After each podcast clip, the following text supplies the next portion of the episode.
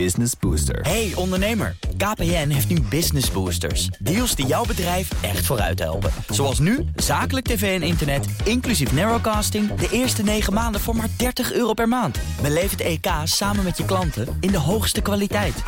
Kijk op kpn.com slash businessbooster. Business Booster. Onze wekelijkse rubriek waarin we uitspraken over de Europese Unie aan een fact-check onderwerpen. Met onze Europa-verslaggever Geert-Jan Haan. Geert-Jan, goedemorgen. Bas, goedemorgen. Ja, daar ben je gelukkig. Waar gaan we vandaag naartoe? Naar de grens van de EU. Juist, en dat is...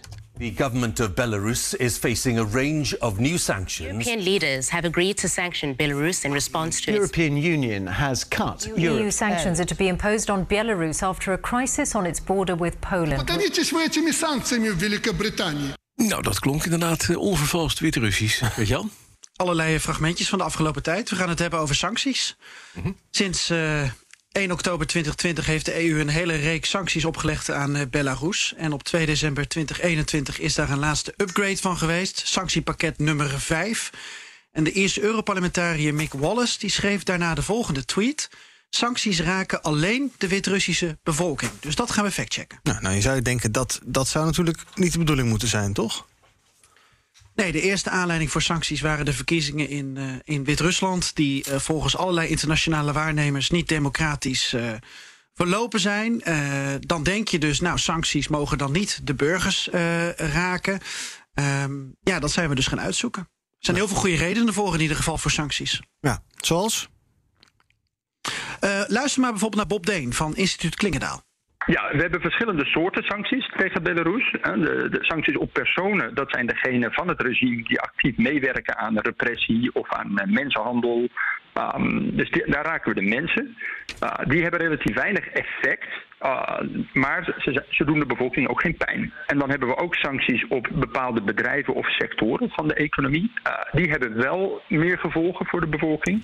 Uh, maar die hebben ook meer effect op het gedrag van Lukashenko. Ja, dat zei dus eh, Bob Deen van Klingendaal. Eh, k- kun- kunnen we zien of kunnen we meten of zo hoeveel effect die sancties op die bevolking daadwerkelijk hebben?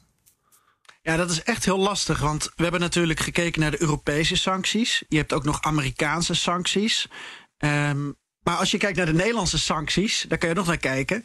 eh, dan blijken die maar beperkt effect te hebben, in ieder geval, op de handelstromen tussen Nederland en Belarus. En dat blijkt uit een Kamerbrief van het ministerie van Buitenlandse Zaken, verstuurd op 7 december, dus vrij actueel. Al zijn er onder de bevolking, volgens de mensen zelf, al wel wat sancties merkbaar. Dat schetst de Nederlandse Wit-Rus Ilja Zhitbarbitsky. Ik denk is het beginnen te merken. De inflatie eh, gaat nu opkruipen. En er zijn eh, eh, ja, bijna geen westerse producten beschikbaar.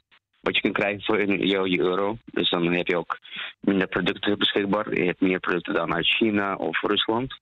In plaats van Europese Unie producten. Eh, de werkgelegenheid. Dus de mensen ook. Ja, dat ja, bedrijven hebben moeilijker. Dus niet, niet overheid op bedrijven, maar dan gewoon particuliere bedrijven hebben we moeilijker.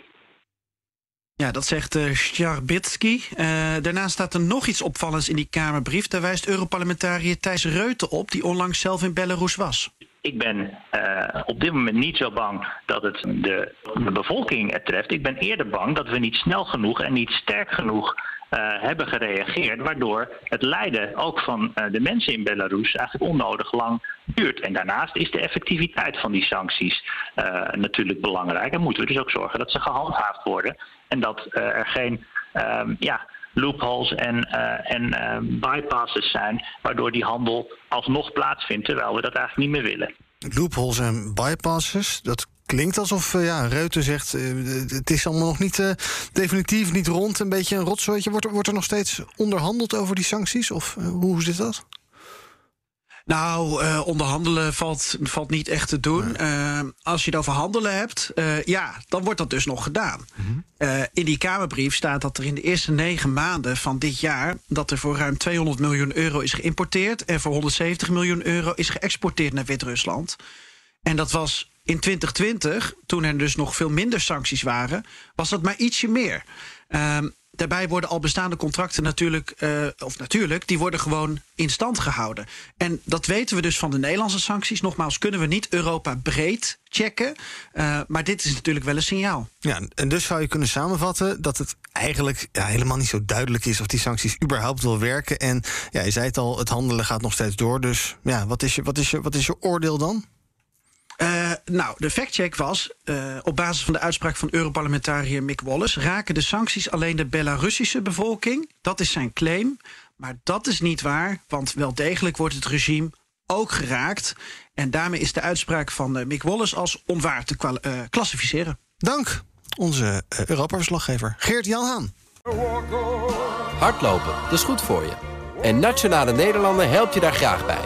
Bijvoorbeeld met onze digitale NN Running Coach... die antwoord geeft op al je hardloopvragen. Dus, kom ook in beweging. Onze support heb je. Kijk op nn.nl hardlopen.